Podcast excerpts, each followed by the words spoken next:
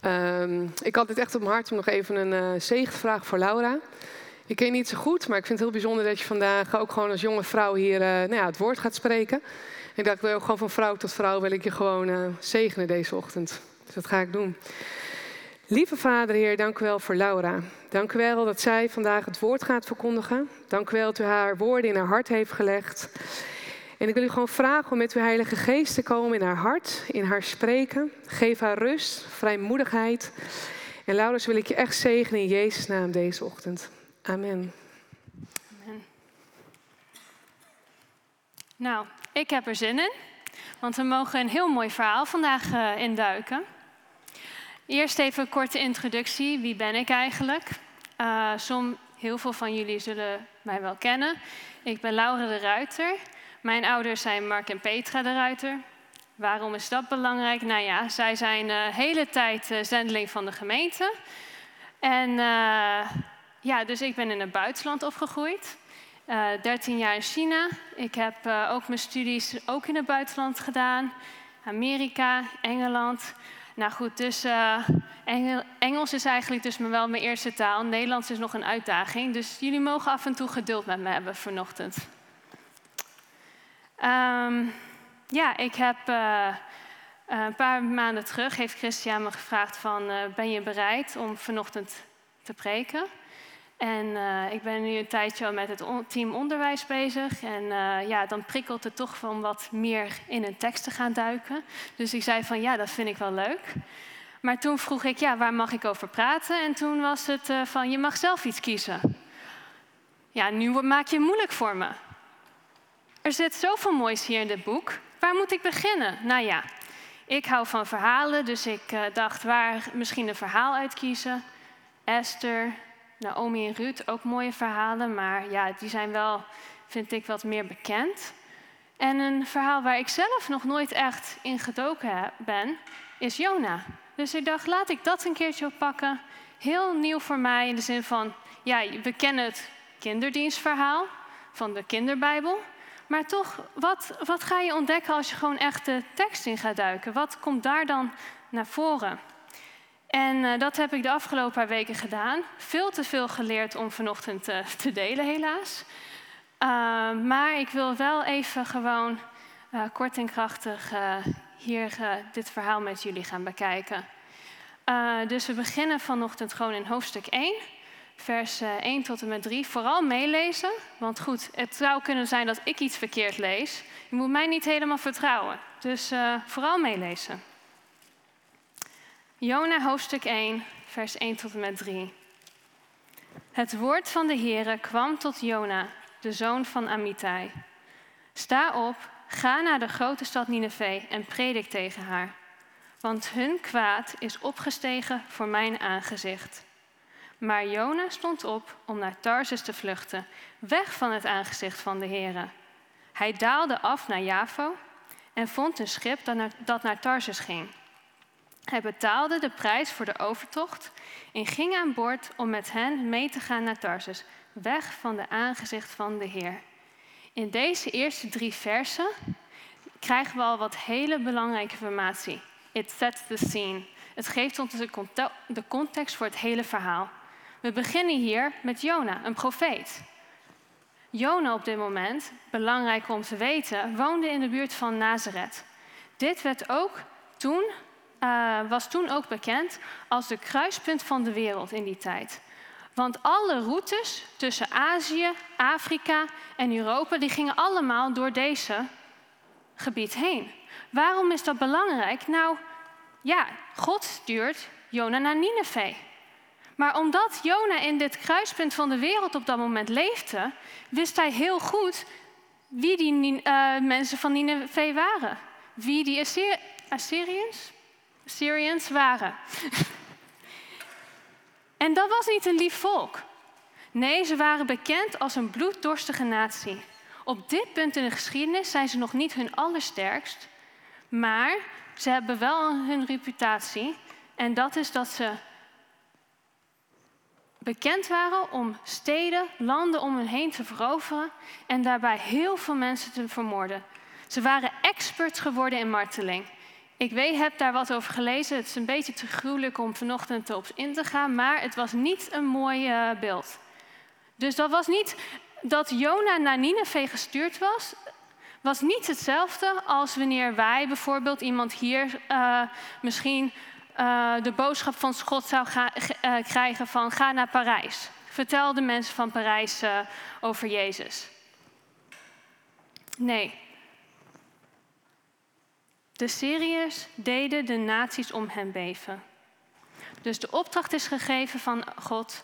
En waar gaat Jona naartoe? Hij pakt zijn koffertje en hij kijkt op de kaart. Nineveh, die kant op dan maar. Tegenoverstelde. Hij, neemt, um, hij pakt, uh, gaat op reis en gaat naar, de, uh, naar Javo. En daar gaat hij alle schepen langs om te vragen, ja, waar gaan jullie naartoe? En op een gegeven moment hoort hij, oh, die schip, gaat naar Tarsus. Ja, dat is heel veel ver weg van Nineveh, dan neem ik die schip maar. Dus hij pakt, uh, hij koopt de overtocht en hij gaat aan boord het schip. Maar waarom? Waarom rent Jona weg? Is het omdat hij bang was om naar zo'n angstige natie te gaan? Misschien als ze zijn boodschap niet fijn vinden, dan uh, vermoorden ze hem ook. Of is het misschien dat hij als Joods profeet gewoon niet naar een heidens, heidense stad wil gaan om daar boodschap te geven? Wat zou het zijn? Op dit punt van het verhaal krijgen we helaas hier nog geen antwoord op. Maar in hoofdstuk 4, daar komen we aan het einde, daar lezen we het wel. Dus blijf over deze vraag nadenken. Want we komen er nog op terug. En in de antwoord van, dat, uh, van die vraag ligt de sleutel van het hele verhaal. Het hele verhaal van Jona. Wat zijn motivatie dus ook mag zijn, Jona rent weg. Dat staat hier heel duidelijk. Sommigen van hier kennen het verhaal wel.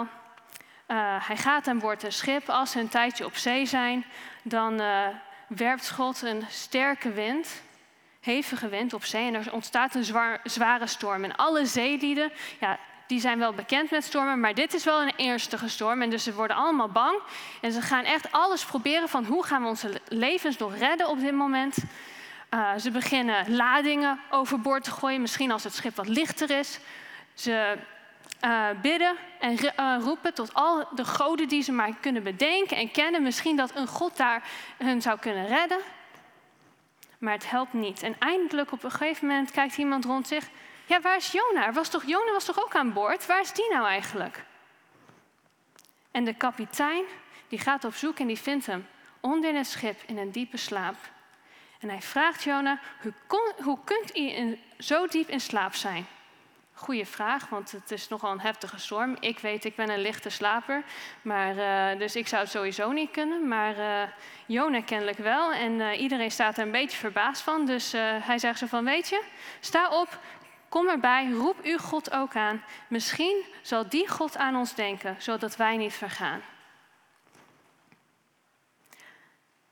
Dus hij komt bij de groep en, en de zeelieden, weet je, die hebben van, we hebben van alles en nog wat geprobeerd.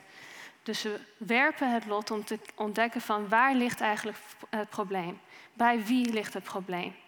En het lot valt op Jona. Dus ze kijken hem aan en zeggen dan: Vertel ons toch door wie dit onheil ons overkomt. Wat is uw werk en waar komt u vandaan? Wat is uw land en van welk volk bent u? Jonas antwoordt: Ik ben een Hebreeër en ik vrees de Heere, de God van de hemel die de zee en het droge gemaakt heeft. Toen werden de man, mannen zeer bevreesd.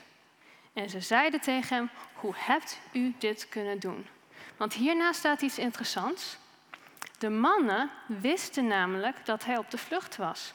Weg van het aangezicht van de heren, want hij had het hun al verteld. Dus kennelijk was Jona aan boord de schip gegaan bij het kopen van, een, eh, van de overtocht heeft hij ook alvast even verteld: Ja, ik ben uh, weg aan het rennen voor God. En kennelijk was dat op dat moment voor hun niet zo'n groot probleem. Maar nu denken ze van: Hoe kom je erbij? Als jij weet wie jij dient, de God die jij dient, die ook toevallig dan de zee heeft gemaakt, hoe kom je er dan bij om een zeeroute te kiezen om van die God weg te rennen? Nu zijn al onze levens in gevaar. Maar goed, het was uh, de, de storm werd steeds ernstiger en ze zeiden dan ook tegen Jona in vers 11: Wat moeten wij met u doen zodat de zee ons met rust laat? Kennelijk ligt, weet jij wat het probleem is, dus geef ons ook maar het antwoord. En daarop zegt hij: Pak mij op en werp mij in de zee. Dan zal de zee u met rust laten, want ik weet dat deze zware storm u omwille van mij overkomt. Dus toen gooiden de zeelieden Jona overboord, toch? Nee. Nee. Eerst proberen ze nog te roeien. Eerst proberen ze alsnog naar land te gaan. Dit vind ik heel interessant, want de zeelieden. Oh. De zeelieden hechten kennelijk zoveel waarde aan het leven van een mens. Dat ze op dit punt nog ervoor kiezen om nog even één poging te wagen. om bij land te komen zonder dat ze Jona overboord moeten gooien. Wat een contrast met Jona, die wegrent om een hele stad te redden. Maar goed, het helpt niet. En uiteindelijk geeft ze het op en met een snel gebed van vergeef ons Heer, daar komt het eigenlijk op neer, gooien ze Jona overboord. En de zee wordt weer rustig.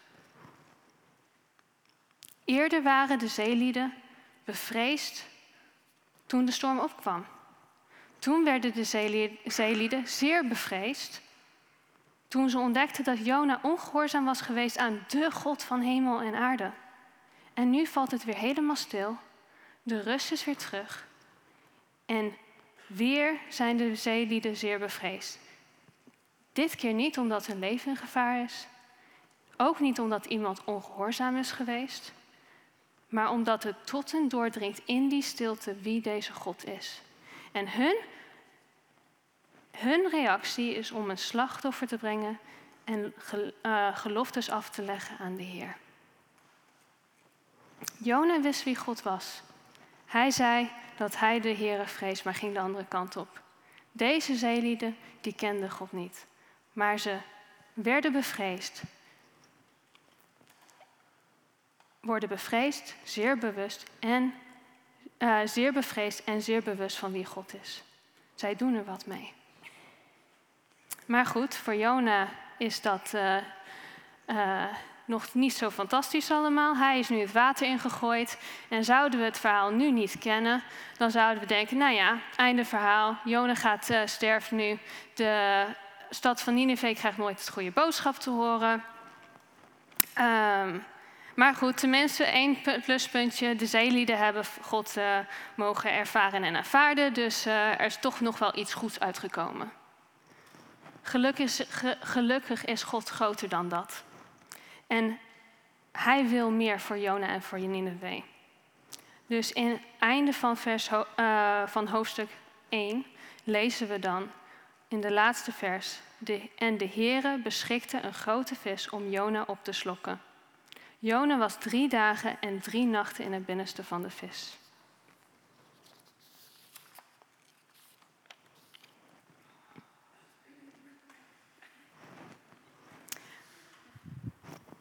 Ja.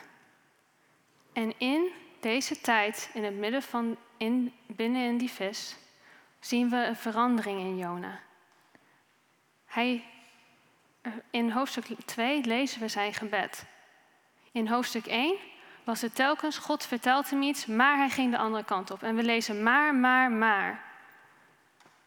Hoofdstuk 2 begint met toen bad Jona tot de Heer.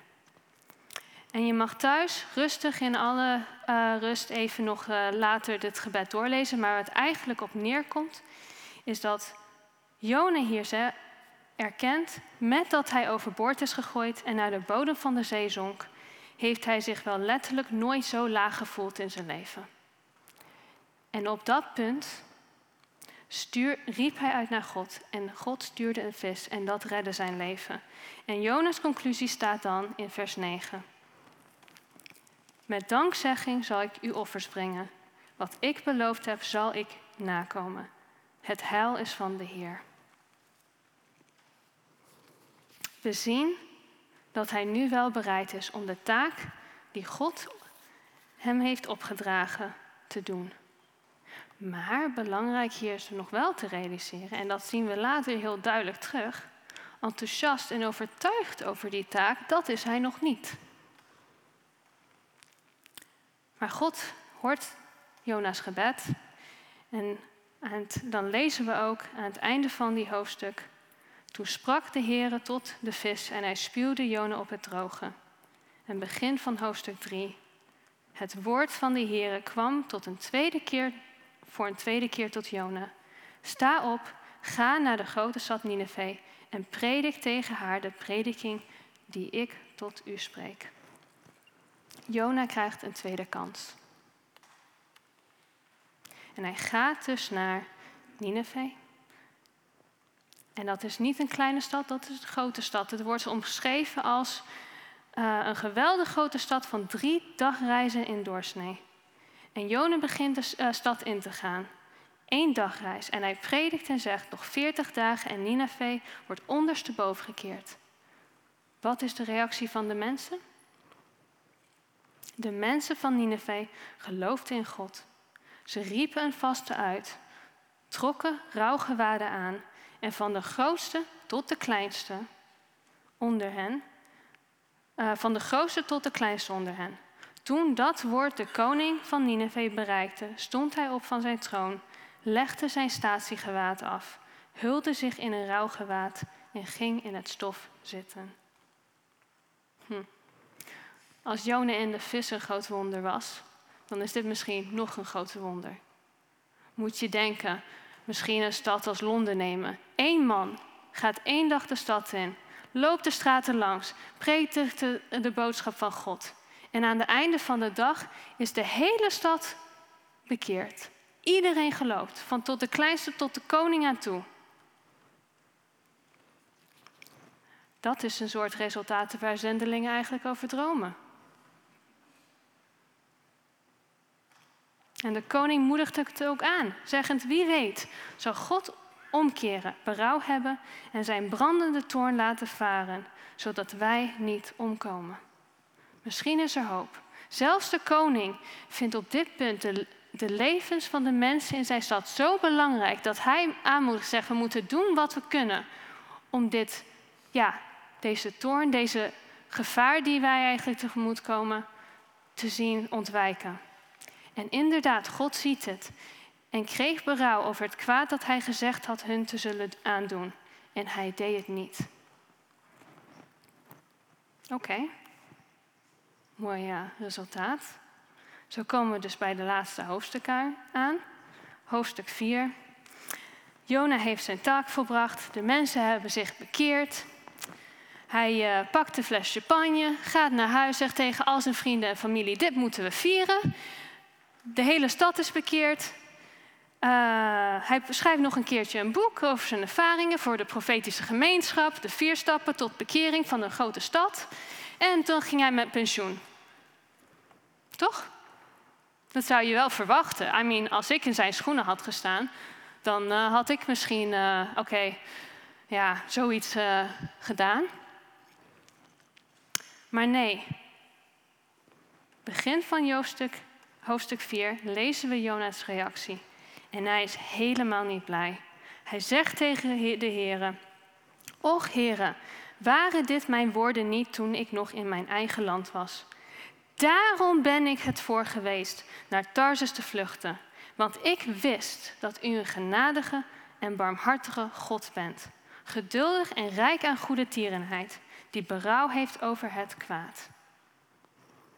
In plaats van blij te zijn, ziet Jona het helemaal niet zitten. Hij gaat zelfs de stad uit en uh, maakt ergens een uh, hutje voor zichzelf. Ging onder een afdak zitten en, uh, tot hij zou zien wat er nog zou gebeuren met de stad. Misschien zou God toch nog zijn gedachten veranderen en zouden die Ninevieten, uh, dus die mensen, ehm, ja, de consequenties van hun acties toch krijgen. Maar waarom? Waarom is Jona hier niet blij? Nou, komen we toch wel weer terug op de vraag waar we mee begonnen. Waarom liep Jona weg? Het was niet omdat hij bang was. Later zien we dat hij tegen de zeelieden zei: Gooi me maar overboord. Dat is niet iets wat iemand die bang is zo gauw zou zeggen. Dus ook niet dat hij niet als een Joods profeet het goede nieuws naar de heid, een heidense stad wilde brengen. Ik bedoel, hij rent naar Tarsus, dat is ook een uh, heidense stad. Maar hier geeft hij letterlijk antwoord. Hij rende weg omdat hij bang was dat dit het resultaat zou zijn. Hij kende God. Hij wist wie God was. U bent genadig, barmhartig, geduldig, rijk aan goede tierenheid. U heeft berouw over het kwaad. En hij wist daarbij vanaf het begin dat als hij naar Nineveh zou gaan en als hij die mensen daar Gods boodschap zou vertellen en als ze dan berouw zouden tonen, dat God hen zou vergeven. En daar was hij niet blij mee. En ik kan Jona hier op zich in wel begrijpen. Want wat belangrijk hierbij nu te herinneren is, is dat die Assyriërs niet zomaar een groep mensen waren. Dat was een vrede natie. Daarbij is het ook nog interessant dat Jona al eens als profeet Gods goedheid aan mensen die het niet verdienden had meegemaakt. Dat lees je terug in Twee Koningen. Hij heeft al ervaringen hiervoor gehad. En hij is het gewoon een beetje zat dat mensen profiteren van Gods geduld en goedheid en vergevenis. En zeker deze stad, van alle steden, verdiende het gewoon om de consequenties van hun acties te, er, te ervaren. En daarom rende hij weg aan het begin van het verhaal.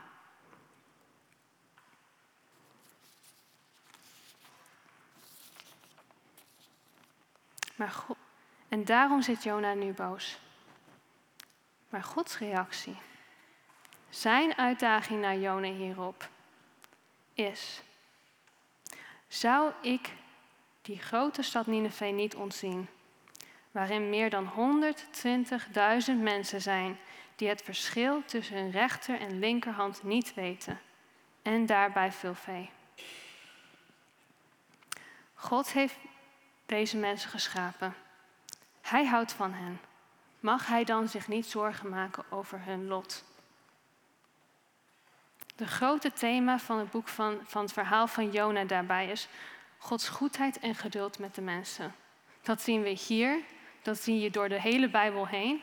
Ook telkens weer zijn geduld, zijn vergevenis aan het Joodse volk. Telkens weer geeft hij mensen nog een kans. Maar, sterker nog, als we nog even een stapje terugzetten, Gods geduld en vergeving geldt hier niet alleen voor Nineveh. Voor wie telt het eigenlijk nog meer in dit hele verhaal? Want wie was degene die wegrende van de taak die God hem had gegeven? En wie kwam tot bekering, maar ook niet een volledige turnaround in de vis? En wie gaf God toen een tweede kans? En wie snapte het hart van God toen nog steeds niet? En tot wie komt God nader om alles uit te leggen? Jona. Het was niet alleen zij, het was niet alleen de mensen van Nineveh die Gods liefde, genade en geduld niet verdienden, maar wel nodig hadden en kregen. In dit verhaal is er misschien bijna nog meer Jona, die telkens weer een tweede, een derde, een vierde kans kreeg. En toen ik nog wat verder over het verhaal nadacht, realiseerde ik ook, er zit nog een diepere laag zelfs hieronder. Want niet alleen was God door het hele verhaal heen geduldig en vergevend naar de mensen van Nineveh, maar ook naar Jona toe. En ook naar Jona toe. Maar Gods verlangen was dat Jona het hart van God hierin zou begrijpen. Dat hij niet alleen de taak zou gaan doen omdat het moest. Ja, dat uh, kennen we allemaal wel eens uh, als kinderen. Ja, je moet uh, de tafel afdekken, afnemen. Worden. Afruimen, denkst. Afruimen. Je moet de tafel uit. Nee, dat wil ik niet. Ja, je moet het toch. Oké, dan doe ik het wel. Dat was Jona's attitude toen hij naar Nineveh ging. Ja, ik doe het wel. U heeft mijn leven gered. Nou ja, dan kan ik ook wel even uh, die mensen over u vertellen. Nee, God wou iets meer van Jona. Hij wou dat Jona zou begrijpen zijn hart voor die mensen. En dat hij vanuit die positie naar die mensen van Nineveh toe zou gaan.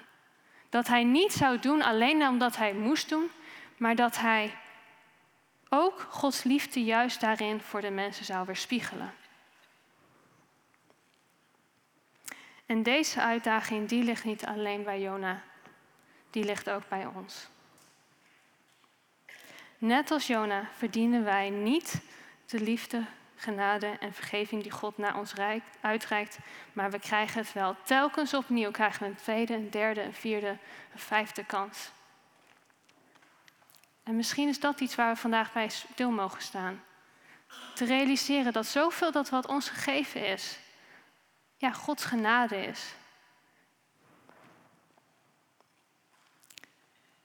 En net als Jona verlangt God dat wij ook die liefde weer dan weerspiegelen aan anderen. Dat de kansen die Hij ons gegeven heeft, wij ook weer aan anderen mogen doorgeven. Dat wij aan hen geven wat ons al gegeven is.